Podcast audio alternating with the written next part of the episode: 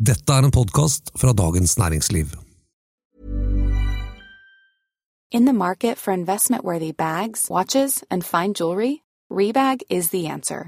Rebag is a luxury resale platform where each piece is carefully inspected by experts to ensure quality and authenticity. Use Rebag to buy and sell finds from the world's top brands, including Louis Vuitton, Chanel, and Cartier. Head to Rebag.com and get up to 15% off your first purchase as a member with code REBAGNEW. Shop today at Rebag.com. That's R E B A G.com. And use promo code REBAGNEW for up to 15% off your first purchase as a member. Here's a cool fact a crocodile can't stick out its tongue. Another cool fact you can get short term health insurance for a month or just under a year in some states.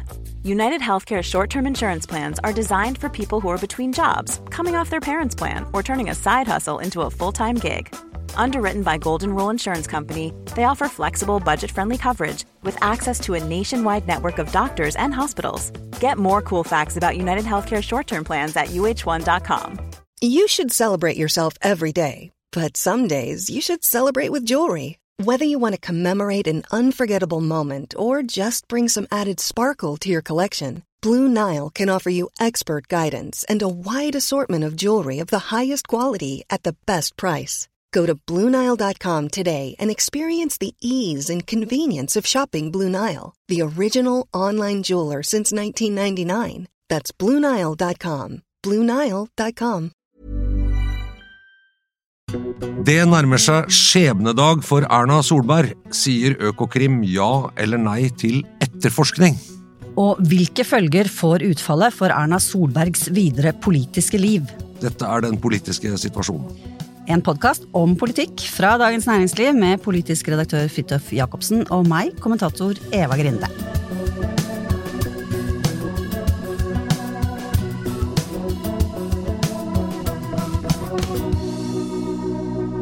Morgen, fredag, offentliggjør Økokrim sin beslutning i Erna Solbergs Sindre Finnes-saken. Fra før av har Økokrim innledet etterforskning mot Ola Borten Moes aksjehandler som statsråd, mens de ikke gjorde det i Huitfeldt-saken. Nå handler det altså om Sindre Finnes og hans handler mens Solberg var statsminister. Her er det mye juss og mange regler, så i dag så har vi invitert deg, advokat Mette Yvonne Larsen, til studio for å hjelpe oss med å forstå hva som kan skje. Mette hva, Larsen, du har lang erfaring som forsvarer med strafferett, og nå er du nyslått leder av forsvarergruppen i Advokatforeningen. Bare begynne først, er du spent på hva Økokrim kommer med i morgen? Ja, jeg tror hele samfunnet er spent på det. Eh, det er jo veldig spesiell eh, historie som har eh, blitt rulla opp, da. Og når jeg snakker med mine kolleger om saken, så går det jo alt fra at noen mener de burde vært pågrepet begge to tidlig i høst, til at andre tenker at dette står med et vannglass. Så jeg er jo spent. Det er jo interessant. Jeg følger jo med. Jeg bare tenker, ikke sant, Du hadde Anniken Huitfeldt-saken. Der var Økokrim veldig raskt ute med å si at her er det ikke noe vits i å åpne etterforskning. Jeg tror det var en ukes tid eller noe sånt. Mm. Og her har de jo brukt halvannen måned. Mm. Hva, hva, er egentlig grunnen til at de har brukt så lang tid i den saken? Hva, hva driver de med i alle de ukene? Jeg har tenkt på det siden jeg fikk det spørsmålet, og så tror jeg at for det første så jo, har jo saken en større alvorlighetsgrad. For selv om Huitfeldt var statsråd da dette skjedde, så er det jo Erna Solberg sin posisjon som landets statsminister. Og da må det måte gjøres enda grundigere etterforskning. Og så har vi jo fått med oss at det er enormt mange eh, aksjehandler som Finnes har gjort. Jeg leste vel, hvis jeg ikke husker riktig, rundt 130 eh, millioner som hadde gått inn og ut, eller om det var noe i den, den stil. Og da må jo Økokrim se på alle transaksjonene for å se er det én eh, innsidehandel, er det ti, er det null? Eh, og jeg tenker at det er et så mye større materiale mm. og et mye større alvor over saken. Mm. Så det har noe med hennes posisjon da dette skjedde, men hun mm. er jo ikke lenger statsminister. Nei, så, men, men ja. det spiller vel egentlig ingen rolle. Nå er ikke jeg her som politiker, men det som er et poeng, er jo at dette har skjedd under hennes statsministerperiode. Så selv om ikke hun er det lenger Det er klart at med Huitfeldt så var det viktig å finne ut raskt siden hun var statsråd, men det så ut som den saken for meg var mye mer oversiktlig. Mm, mm. Mye lettere å forstå. Ja, bare en, et til knytta til det med, med, hva er egentlig forskjellen på sånne forundersøkelser og etterforskning, hva skal til på en måte for Økokrim til å si nå åpner vi etterforskning, hva må være på plass da? Ja, altså, nå er det jo eh, begrepet rimelig grunn til å starte etterforskning. Eh, det er jo det de driver og undersøker nå, er det rimelig grunn? Og begrepet rimelig grunn er jo et begrep som ligger liksom imellom eh, det vi kaller eh, ubegrunna anmeldelser. Eh, og skjellig grunn til mistanke. Altså at, at, rimelig grunn, da skal det være et eller annet som taler for etterforskning, et mye lavere krav enn en, eh, en, eh, skjellig grunn. Men det skal også være sånn at helt ugrunna, ubegrunna anmeldelser må man kunne liksom legge bort. da. Sånn at folk skal ikke kunne anmelde hverandre. Mm. men rimelig grunn, da skal det være noen momenter som tilsier, men det er altså ikke et så sterkt begrep som hvis vi havner over i skjellig grunn og hjemmel for å gjøre beslag og, mm. og sånne ting. Da. Og det jeg håper er jo at ikke de legger andre krav til landets statsminister og hennes ektemann enn folk flest. Og det har jo bekymra meg i høst. At uh, hvis man tenker at det her har skjedd noe, da, så har jo de fått mulighet til å snakke sammen hele høsten og fått mulighet til å på en måte ja, Samkjøre historiene sine. Samkjøre mm. seg, og hva er det de sier i strafferetten når vi møter en aktor i retten, sier eh, dette framstår som en tilpasning, sier ofte aktor. Og da, da er jeg jo litt redd for liksom, hvor mye man kan ha tilpassa seg her, hvis det er sånn at det har skjedd noe straffbart. Det vet jo ikke jeg, da. Kan man åpne en etterforskning formelt uten å samtidig offentliggjøre en konkret mistanke mot noen?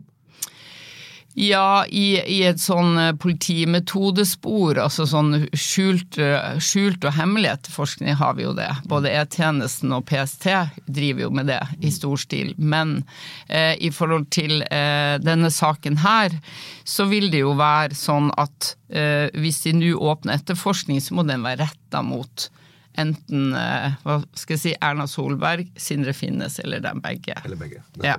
Så de, de, kan si vi mistenker Sindre Finnes for mm. innsidehandel, men ikke Erna Solberg. Det kan de gjøre, ja. Eh, og de kan uh, si at de ikke mistenker noen av dem. Men de er nødt til å definere nå, hele verden er jo på det her, så de er jo nødt til å definere hvem av dem er det de da i så fall mistenker. Hvem blir etterforskninga retta mot? Så det er også sånn at de de kan jo gjøre beslag, altså gjøre tredje, tredjemannsvurderinger. altså sånn Erna Solberg kan jo på en eller annen måte bli involvert i det her, men ikke nødvendigvis som mistenkt. Da Da de eh, offentliggjorde etterforskningen mot Ola Borten Moe, ganske få dager etter at han gikk av som statsråd, så sa de at han hadde status som mistenkt. Mm. Og så har Erna Solberg sagt, når man har spurt om Økokrim, han har sagt at hvis det kommer en siktelse, mm. så blir dette vanskelig, tror jeg han har sagt de begrepene mistenkt og siktet, mm. hva er forskjellen på de to begrepene? Hva er forskjellen i status? Ja, altså, eh, jeg syns ofte at eh, media opererer med et litt sånn kunstig skille, da. Fordi hvis du er mistenkt for et straffbart forhold, så er det jo er jo etterforskninga retta inn mot deg. Grunnen til å ta ut en siktelse er jo hvis man vil ta beslag Eh, hvis man vil gjennomføre tvangs, eh, sant, tvangsinngrep på en eller annen måte, beslag eller, eller andre ting, så eh, noen mener jo at liksom siktelse er et mer alvorlig begrep, men av og til så sikter jo påtalemyndigheten noen for at de vil foreta seg enkle ting. Det trenger ikke bety at de har mer inntrykk av at her har det skjedd noe. Så jeg synes, altså, Hvis Sindre Finnes nå blir mistenkt, så er det mer enn nok, tenker jeg, for at man skal skjønne alvoret av denne saken. In the market for investment-worthy bags, watches, and fine jewelry, Rebag is the answer. Rebag is a luxury resale platform where each piece is carefully inspected by experts to ensure quality and authenticity. Use Rebag to buy and sell finds from the world's top brands, including Louis Vuitton, Chanel, and Cartier. Head to Rebag.com and get up to 15% off your first purchase as a member with code REBAGNEW. Shop today at Rebag.com. That's R-E-B-A-G.com. And use promo code REBAGNEW for up to 15% off your first purchase as a member. If you're looking for plump lips that last, you need to know about Juvederm Lip Fillers. With Juvederm Volbella XC and Juvederm Ultra XC, your lip look, whether it's subtle or bold, can last up to one full year with optimal treatment and no additional maintenance. Find a licensed specialist and see if it's right for you at juvederm.com today. That's J U V E D E R M.com. Add fullness to lips in adults over 21 with Juvederm Volbella XC or Juvederm Ultra XC. Do not use if you have severe allergies or a history of severe allergic reactions, or if you're allergic to lidocaine or the proteins used in Juvederm. Tell your doctor if you have a history of scarring or taking medicines that decrease the body's immune response or that can prolong bleeding. Common side effects include injection site redness, swelling, pain, tenderness, firmness, lumps, bumps, bruising, discoloration, or itching. As with all fillers, there's a rare risk of unintentional injection into a blood vessel, which can cause vision abnormalities, blindness, stroke, temporary scabs, or scarring. For full important safety information, visit juvederm.com. You should celebrate yourself every day, but some days you should celebrate with jewelry. Whether you want to commemorate an unforgettable moment or just bring some added sparkle to your collection, Blue Nile can offer you expert guidance and a wide assortment of jewelry of the highest quality at the best price. Go to BlueNile.com today and experience the ease and convenience of shopping Blue Nile, the original online jeweler since 1999. That's BlueNile.com. BlueNile.com. Hvis det blir tatt ut siktelse, er det ikke da eh, lenger unna en henleggelse av saken heller? Altså, Er det ikke et, et, sånt, et skritt videre, på en måte? Ja, hvis du sammenligner med en veldig sånn profilert sak borti denne Hagen-saken, så ble det jo tatt ut en siktelse som fortsatt står fordi man ønsker å ta ikke sant? Man ønsker å ransake huset, man ønsker å undersøke mobiltelefonen, man ønsker å gjøre sånne ting. Og så så jeg vet jo ikke så mye mer om den saken, men det er jo et eksempel på at en siktelse står, og om den er langt under henleggelse, det vet ikke jeg. Men, men det kan, altså kan, Folk oppfatter det sånn, mm. men det trenger ikke være sånn. Nei, nettopp. Men eh, i, i, denne saken her, hva slags hva slags lovbrudd vil det være? Altså det, når man snakker om rimelig grunn, så, så, så, handler det jo om rimelig grunn til å anta at det har foregått et mm, lovbrudd. Hva ja. slags lovbrudd er det snakk om her? Lovbruddet det er snakk om, er jo innsidehandel. Mm. Altså mm. det er eh, det at man bruker kunnskap man får på en måte som man ikke skal få, og som ikke det øvrige markedet har, for å skaffe seg økonomiske fordeler, da. Sant? Eh, ta et eksempel. Eh, jeg, jeg, kan ikke tenke meg et sted eh, hvor det er mer innsideinformasjon i Norge enn i statsministerboligen. Der snakkes det om ting hele tida. Der har statsministeren god kunnskap om ting som skjer. Og hvis man tenker seg at, at eh, hennes ektemann får vite at det er I morgen skal det skje et stort oppkjøp eller et stort salg som gjør at aksjene blir mer verdt eller mindre verdt. Og så får han vite det på en måte han ikke har rett og han får kanskje vite det før de andre. Eh, det er innsidehandel, og det er jo veldig skadelig for eh, børsen og for markedet, og ikke minst for folks tillit til aksjene. Ja, Og det kan være innsidehandel uansett om Erna Solberg har hatt til hensikt å gi han informasjon. Absolutt. Det handler om at altså, han kan Han har skaffa seg det. Mm. Hvis hun har hatt hensikt å gi han informasjon, så er jo hun også medvirker. Mm. Så det, det, da er vi jo et langt skritt videre. Er det mulig i det hele tatt å tenke seg at du ikke kan bruke innsideinformasjon hvis du sitter der ved kjøkkenbordet i statsministerboligen og driver såpass mye med aksjer som han har gjort? Nei, altså, jeg tenker jo at faren er jo at du faktisk driver med aksjer øh, når, du, når, du, befinner deg i statsministerboligen, og at du fanger opp ting som gjør altså Han har jo vært sikkert veldig flink til å drive med aksjer, aksjer og inn og ut. Og, han har ikke tjent så mye, da. Men... Nei, han har tjent lite. det har jeg fått med meg, men det har vel vært en sånn ting for han, da, tenker jeg, som han har drevet med, og som han kan ganske godt å snappe opp informasjon, så jeg vil jo tro at det er vanskelig å la det være. Men der vet jo ikke jeg noe, jeg, jeg, jeg kan jo ikke saken. Jeg bare tenker på det. Dette er jo litt spesielt, for Økokrim varsler eh, noen dager før at på fredag da kommer vi med avgjørelsen. Vi er tilgjengelig for pressen, mm. vi skal eh, forklare. Som regel så er jo dette ganske sånn Det kommer ut. Dette mm. er beslutningen vår, og så sier vi ikke så mye mer om det. Særlig hvis man legger det bort. Eh, og dette kjenner vi også fra Huitfeldt-saken, hvor de ga ganske lang begrunnelse for hvorfor de ikke ville etterforske saken. Og da, da var det noen begreper som de brukte der. Det ene var de sa at nei, man er beskyttet med såkalt selvinkriminering, at det spilte inn i den avgjørelsen rundt Huitfeldt og hennes ektefelle. Hva, hva betyr dette med selvinkriminering i en Ja. sånn sammenheng? Jeg skal først bare kommentere akkurat det du tar opp med at eh, Økokrim varsla nå kommer det, og de har jo alltid holdt en mye høyere presseprofil, medieprofil, enn alle andre påtalemyndigheter. Jeg vet ikke helt hvorfor, og av og til har de jo brent seg på det. Så, men eh, akkurat når det gjelder selvinkriminering, så handler det om at ingen er pliktig til å medvirke til at de sjøl blir straffa. Så, så når de sa eh, selvinkriminering i Huitfeldt-saken, så oppfatta at det handla om at eh, kanskje i verken Huitfeldt eller hennes ektemann var villig til, eller hadde ønske om, eller sa ja til å gi informasjon. Ingen er pliktig til å gå i avhør. Eh, ingen er pliktig til å svare på spørsmål fra politiet hvis man er mistenkt. Så selvinkriminering er liksom den retten til å remain silent. Altså det er en mye sterkere rett i USA enn i Norge. Det betyr at eh, de Altså man kunne si vi kan ta ut en mistanke, men vi Mm. har ikke håp om å få noe mer informasjon, for de vil antageligvis bare ikke si noe. Ja da, altså eh, Økokrim må jo alltid, som alle andre påtalemyndighetene, regne med at ikke alltid man får medvirkning fra den som er mistenkt. Sånn er det jo. Det er en viktig rettighet som er beskytta. Så ja. Men da sa de også noe interessant, for de sa at selv om hun har sagt at hun gjerne vil medvirke til åpenhet, så er det utilbørlig å legge et sånn type press. Eh, altså sånn, så det var veldig sånn hensynsfullt, da.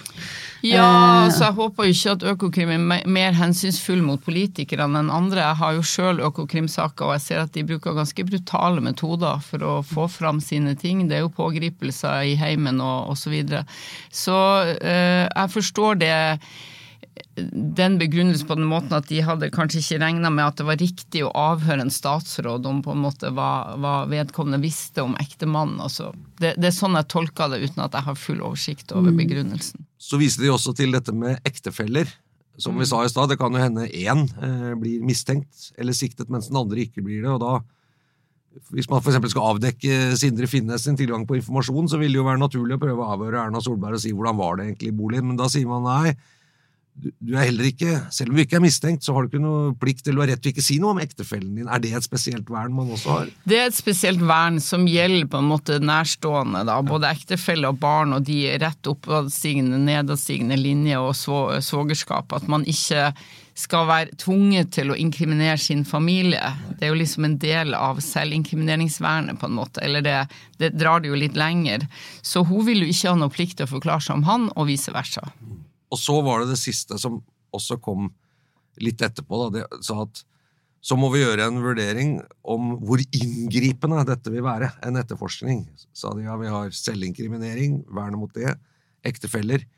Og i sum så mener vi da at det å åpne en etterforskning vil være unødig inngripende, eller i overkant inngripende mot uh, Huitfeldt eh, eller de to. Hva slags vurdering er dette? egentlig? Nei, det har jeg veldig liten eh, sympati for og forståelse for, faktisk. Fordi jeg jobber med vanlige folk, og de opplever etterforskning også fra Økokrim som ekstremt inngripende.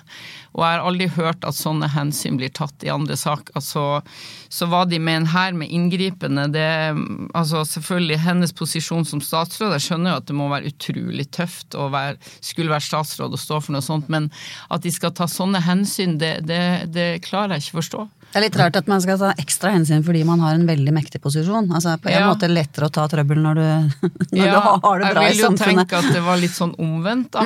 At man kanskje bør heller tenke på hvor inngripende det er for vanlige folk som ikke har verken ressurser eller kompetanse til å svare imot. Men samtidig eh, Borten Moe han hadde jo gått av da de åpnet etterforskning. eh, Men samtidig så er det jo, kan jo være litt Hvis en etterforskning hadde automatisk på en måte politisk sagt da måtte hun gå av, så hadde jo Økokrim plutselig hatt en makt over norsk politikk og hvem som skal styre landet, som er eh, Altså, det, det, er jo en, det er jo mye makt hvis Økokrim sier ja, her syns vi kanskje vi kan åpne en etterforskning, og dermed så kan vi Ja. kvitte oss med en statsråd. En justisminister, for eksempel, eller, Ja. Eller noen vi ikke liker. Er ikke det litt sånn problematisk sånn med maktbalansen? Jo, det kan være problematisk, jeg er enig i det, men samtidig så er jo Økokrim satt til å finne ut av om det begås alvorlige straffbare forhold mot Altså, ikke sant, hva, hva er på en måte verre enn å lure, hva skal vi si, nesten statskassa eller eh, vårt, vår felles økonomi eller ødelegge eh, markedet. Altså, mm. så, så, jeg tenker at jeg, jeg, klarer ikke å se at det hensynet skal få avgjørende betydning, men det er min personlige mening, da. At, det, at vi skal ha tillit til politikerne. Og den er jo litt frynsete akkurat nå. Det, det er jo litt eh, spennende å se på akkurat hvordan argumentasjonen var rundt Anniken Huitfeldt, i og med at det ligner såpass mye. Det handler om en ektemann som har, har, eh, har handlet i aksjer mot henne, eller i hvert fall ifølge det hun selv sier, noe hun ikke visste om, og det ligner jo veldig på Så det er spennende å se i hvilken grad disse argumentene dukker opp igjen eller ikke, da. Mm. Og, og, hva som eventuelt er forskjellen hvis det blir tatt eh, hvis det blir åpnet etterforskning. Men eh, jeg syns det var veldig interessant også da, da Borten Moe, han var jo den første i rekka her når det gjelder mm. aksjehandel, ikke sant, så var jo Økokrim-leder Pål Lønseth ute og sa at eh, en viktig begrunnelse for å se på denne saken, for der ble det jo åpnet etterforskning, og han er mistenkt, så vidt jeg vet, han har status som mistenkt for fortsatt. Så det, det, er viktig av hensyn til demokratiet og tilliten til demokratiet. Og Da bare lurer jeg på om han ga seg selv eh, liksom potensielt ganske mye jobb, og så rulla det jo på med lite visste han om de sakene som skulle komme. Hvor, mm. og Var ikke det egentlig veldig sånn aktivistisk, på en måte, fra Økokrim? Liksom politisk jo, og jeg ble jo litt sånn sjarmert av akkurat det utsagnet, faktisk. For jeg tenkte sånn at ok, ja, så dere tar sånne hensyn. sånn at det er, det er ikke sånn at uh, man skiller mellom den ene og den andre gruppa, men man tenker på demokratiet. Uh, når man skal liksom etterforske øko, altså økonomisk utroskap, altså utroskap mot markedet, innsidehandel osv., at det er viktig, liksom, et viktig poeng. Så jeg syns, eh, jeg syns det var eh, Jeg likte det, men da tenker jeg at da har han gitt seg sjøl, som du sier, mye jobb. For er det noe som virkelig vil være viktig for demokratiet, er jo å finne ut av om landets statsminister eh, sin mann har utnytta informasjonen. Så da, da, har han fått jobb for framtida. Det, det, er ikke lett å bli klok på, fordi i Borten Moe-saken så kan man nesten si at han sier terskelen er faktisk litt lavere for politikere på toppnivå av hensyn til systemet. Ja. Det er ikke sikkert vi ville gjort dette med, med en hvermannsen, egentlig. At vi ville stått høyere krav til oss selv og, for å bruke ressurser på det, f.eks. Gitt det informasjonen de har. Og så sier man i Huitfeldt-saken nei, det blir jo en utilbørlig og litt mm. politisk vanskelig belastning eh, som kan føre til at du må gå av. og, og så Nå har hun gått av, så det, de kan hende de kan se på det på nytt. men Eh, og så står vi her på Erna Solberg, som er liksom spennet mellom skal vi i praksis avsette Erna Solberg som Høyre-leder og mm. statsministerkandidat av hensyn til systemet, eller skal vi liksom si skal, Ja, det er jo ikke det er, det er, en krevende vurdering. Kanskje Lønseths politiske erfaring eh, Slo inn litt der, ja. ja men kanskje ja. ikke den er så dum her, akkurat. Nei. fordi det, mm. det, går kanskje litt utover det rent juridiske, at det er et eller annet form for politisk mm. skjønn her. Ja, enig i det, men da er det jo viktig at han er konsekvent, da. Eh, og da tenker jeg, ikke, tenker jeg, at du kan ikke bruke demokratihensynet Ola Borten Moe-saken og la være å bruke det i de andre sakene vi nå har snakket om. Det er ikke sikkert at han så den komme, at det kom to saker rett etterpå som eh, utfordra demokrati hensynet og demokratiet, de òg, da. de er jo ikke kjent for å ha masse ressurser i Økokrim, for å si det sånn. Altså, eller det er jo et stadig tema at man ikke har De mener i hvert fall at de ikke ja, har masse ressurser. og så var han jo eh, Han var jo ikke inne i Huitfeldt-saken, for der erklærte han seg jo Ja, det stemmer. Men, men, men hvem kan han er, er, tror du han kan drøfte det med noen? Vil han drøfte det med Riksadvokaten? Vil han drøfte det, Eller er dette en beslutning han må fatte helt selv? Nei, denne saken tror jeg nok han drøfter med øverste påtalemyndighet. Jeg vil tro det. Altså, Økokrim er jo en litt spesiell situasjon. De driver både med etterforskning og påtale. Det er jo ikke sånn det er i andre deler av strafferetten. Eh, og det kan jo gjøre at man kanskje blir litt sånn intern og litt blind, så jeg vil jo tenke at jeg ville drøfta dette med erfarne påtaleledere hos Riksadvokaten. Hva syns du bør være konklusjonen i morgen? Jeg er jo ikke så glad i å synes, fordi jeg driver med strafferett, og da skal jo ting være bevist og grunn etter min vurdering.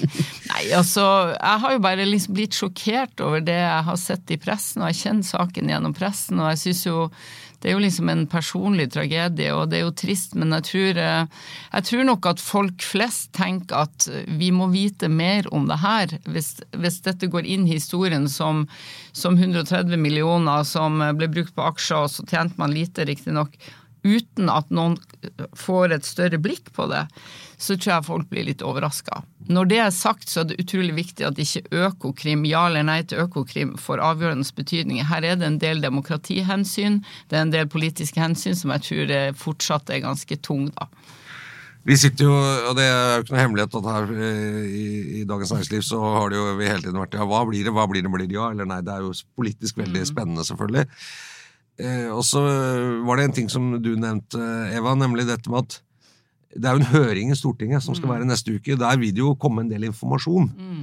Så hvorfor venter ikke Økokrim på en måte med avgjørelsen til denne informasjonskilden er på plass? Kan det tyde på at de har bestemt seg for å ikke åpne etterforskning? For? Nei, jeg tror kanskje Eller åpne, da, i så fall. Ja, altså, ja, jeg tror kanskje Økokrim eh, eh, har det de trenger for å gjøre den vurderinga, uten den høringa.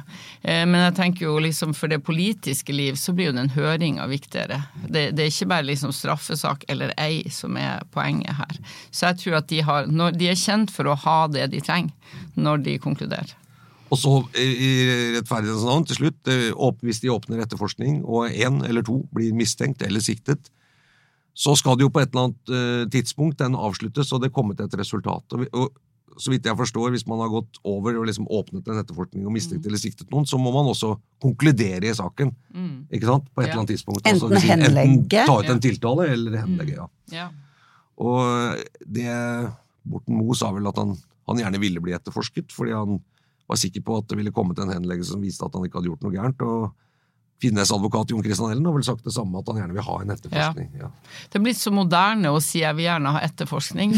Jeg ville aldri sagt det på vegne av en klient, fordi eh, da legger jeg min liksom egen eh, kunnskap i potten, og den trenger ikke alltid å være 100% altså, Jeg vet jo ikke om det er lurt at noen blir etterforska eller ei, men det er blitt en måte å si jeg er uskyldig på.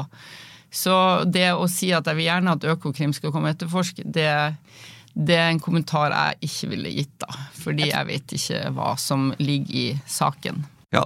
Yes. Det er bare å holde tømmene. Det er jo Vi litt følger over- med i morgen, vi. Det er Ja. ikke de I er, morgen formiddag blir det sagt. det Fredag sagt for- formiddag. Det er sagt formiddag nå, ja. For det var tolv, da. eh, Spennende. Ja. Ja, det.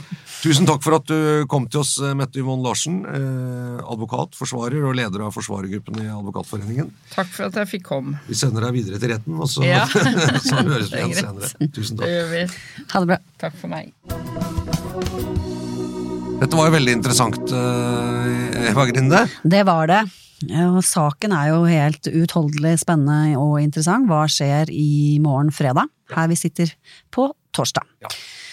Men så vi la oss prøve å se nå, tror jeg vi har tømt på en måte alle mulighetsrom for akkurat det som kommer i morgen, men eh, vi var jo litt innom denne høringen som skal være i Stortinget neste uke, og vi prøver å se litt fremover. eh, Utfallsrommet for eh, Solberg-Finnes-saken i eh, ukene som kommer.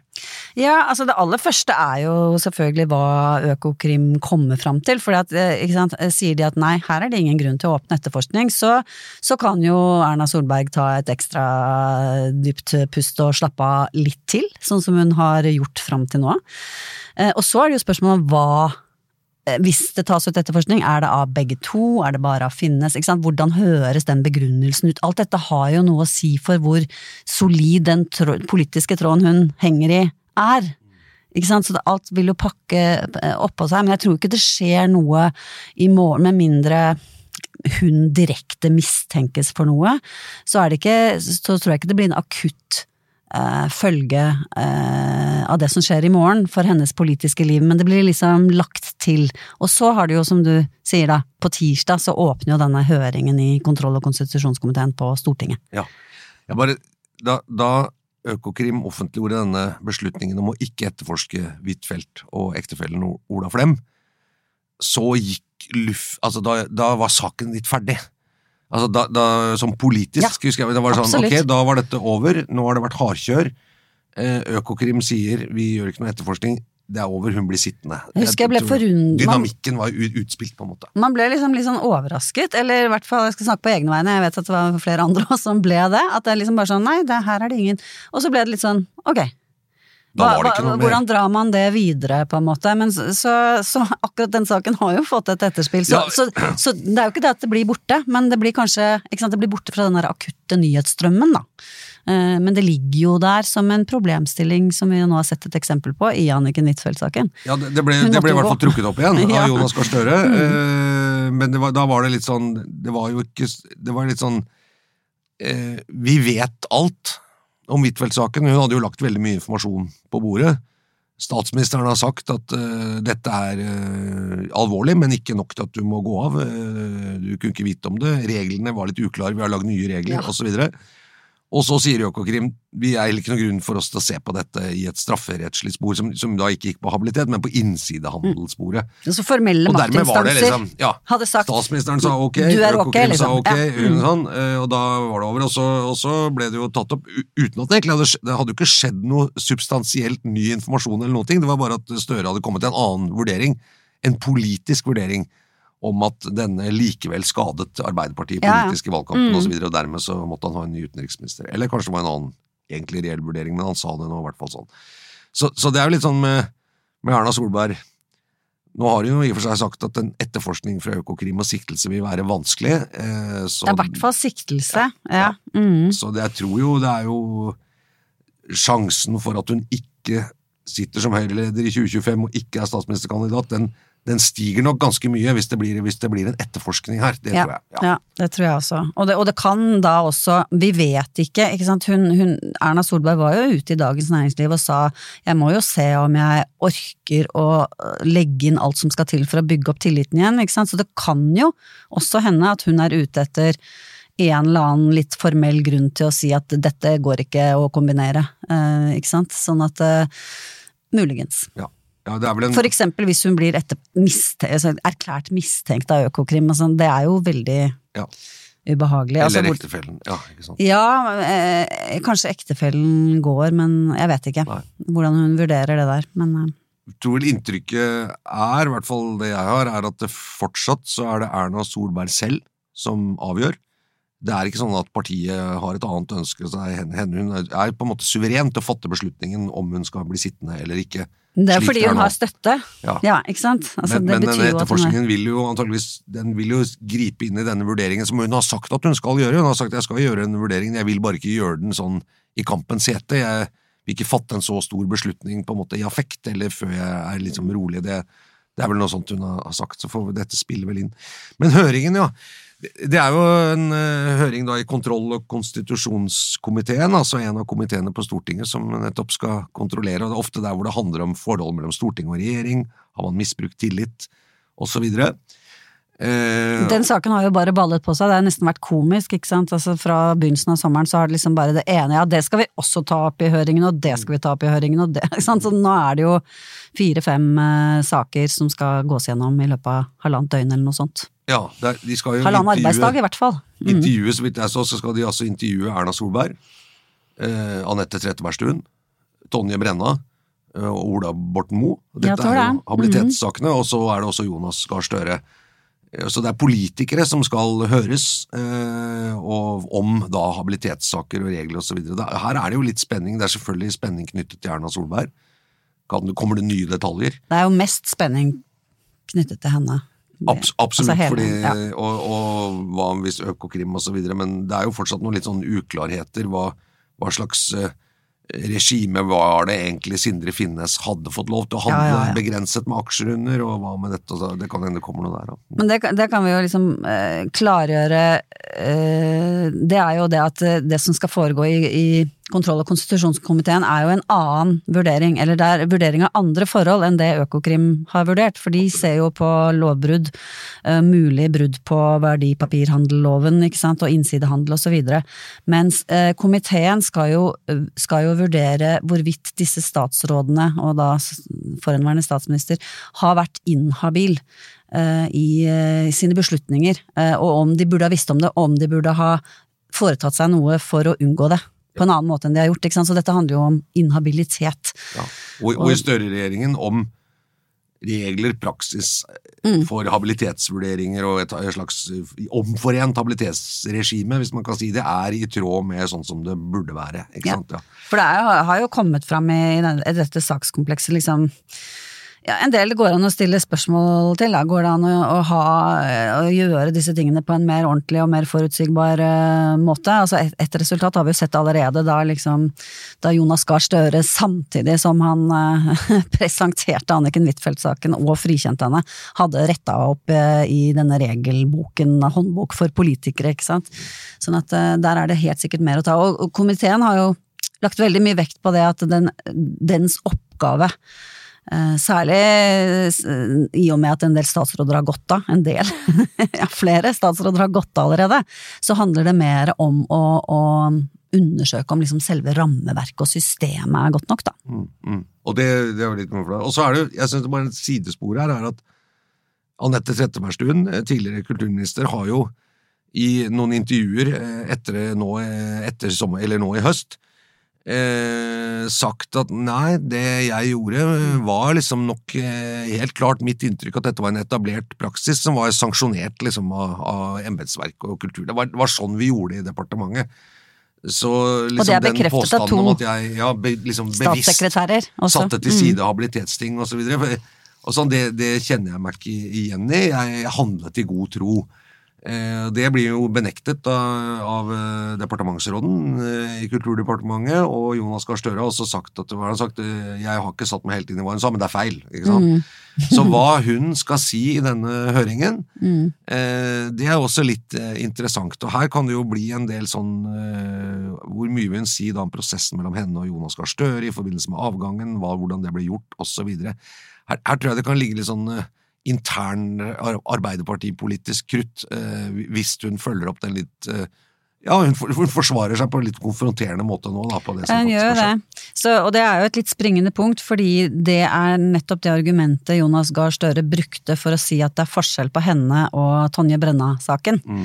Nemlig at eh, i tilfelle Anette Trettebergstuen så, så handlet hun mot eh, råd, som helt konkrete råd hun hadde fått, altså mot bedre vitende. Ja. Uh, og så er det en del sånn strid om når kom det inn. Hun var, ikke sant, altså det var noe som, som Jonas Gahr Støre skal ha puttet inn i sin pressekonferansetale helt på tampen, ikke sant, og sånne ting. Så ja, ja, her er de ikke happy med hverandre, for å si det sånn. så, så, det er litt, litt i, i, mm. skyggen av Erna, så er det også litt sånn internt litt interessant spor. Og ja, Anniken Huitfeldt kan være interessant å høre henne også. Eh, det kan, altså, det kan plutselig det komme, komme, eh, ting her. Ja. så, eh, så vi gleder oss. Ja, vi, vi, skal, vi, vi, er spent på fredag, Økokrims avgjørelse, og vi er også spent på høringen på tirsdag. Og når begge disse eh, tingene er over, da skal vi lage podkast igjen. Det skal vi. Den politiske situasjonen, som den heter. En podkast fra Dagens Næringsliv med kommentator Eva Grinde og meg, politisk redaktør Fridtjof Jacobsen. I dag har vi også hatt besøk av advokat og leder av forsvarergruppen Mette Yvonne Larsen.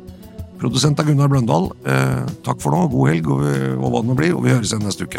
Ha det bra. Ha det.